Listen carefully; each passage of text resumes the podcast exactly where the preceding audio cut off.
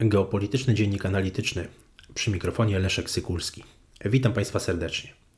5 maja 2021 roku agencja Reutera poinformowała, że Chińska Republika Ludowa planuje przywrócić swoją obecność militarną w Kiribati, konkretnie na jednej z maleńkich wysp o nazwie Kanton, nomen omen kanton, leżącej w połowie drogi, mniej więcej w połowie drogi między Azją a Ameryką Północną, mm, mającą jednakże istotne strategiczne znaczenie.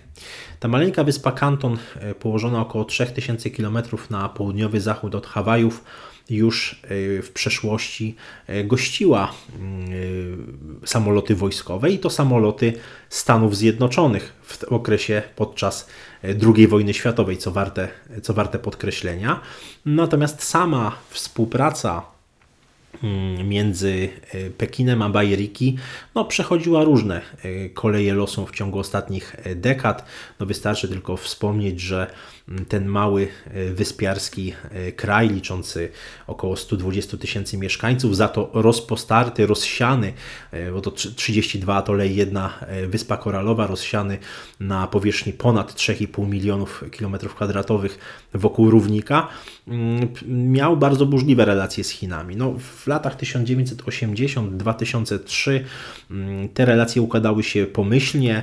Mm, tutaj można powiedzieć, że Mm, że y, nawet y, Kiribati gościło jedną z baz y, wywiadowczych Chińskiej Republiki Ludowej, związaną z rozpoznaniem satelitarnym.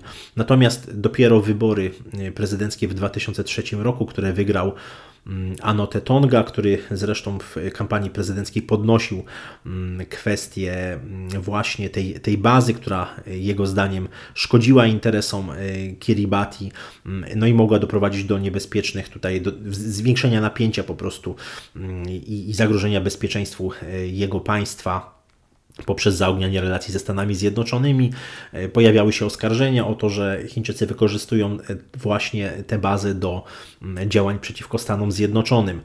E, w 2003 roku tak naprawdę doszło do, tak jak powiedziałem, zerwania stosunków, nawiązania relacji między Bajriki a Tajpej.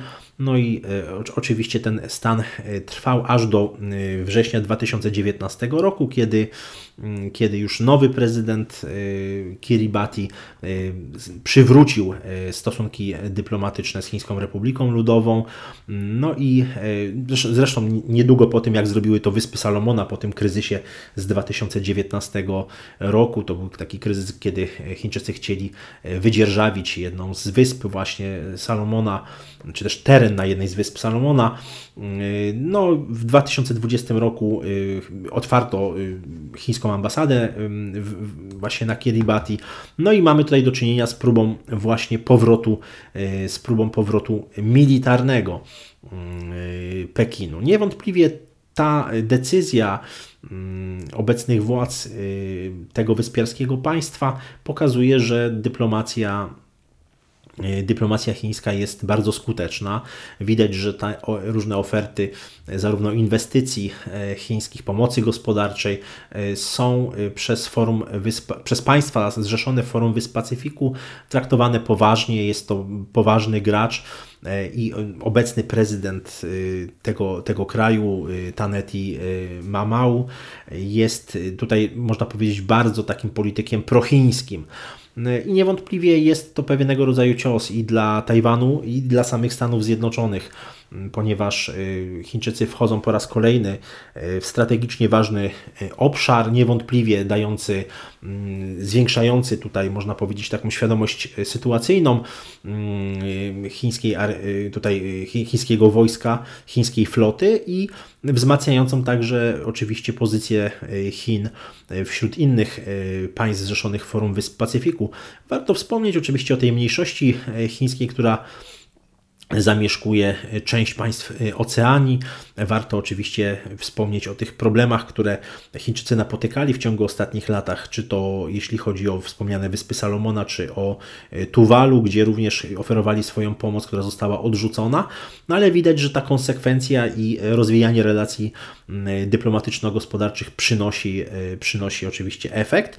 Natomiast pytanie, czy jak zachowają się tutaj Stany Zjednoczone, widać, że na razie na razie zachowują się bardzo powściągliwie, natomiast no, znając historię ostatnich dekad między oboma państwami, nie, nie wykluczam, że dojdzie do jakiejś kolejnej także w przyszłości wolty, ale widać to, y, to zacieśniające się, mm, że tak powiem, y, zacieśniające się te relacje Chin z państwami mm, Indo-Pacyfiku pokazują, że Chińczycy y, są coraz bardziej aktywnym graczem w regionie i będą starali się kontrolować te strategicznie istotne, istotne obszary.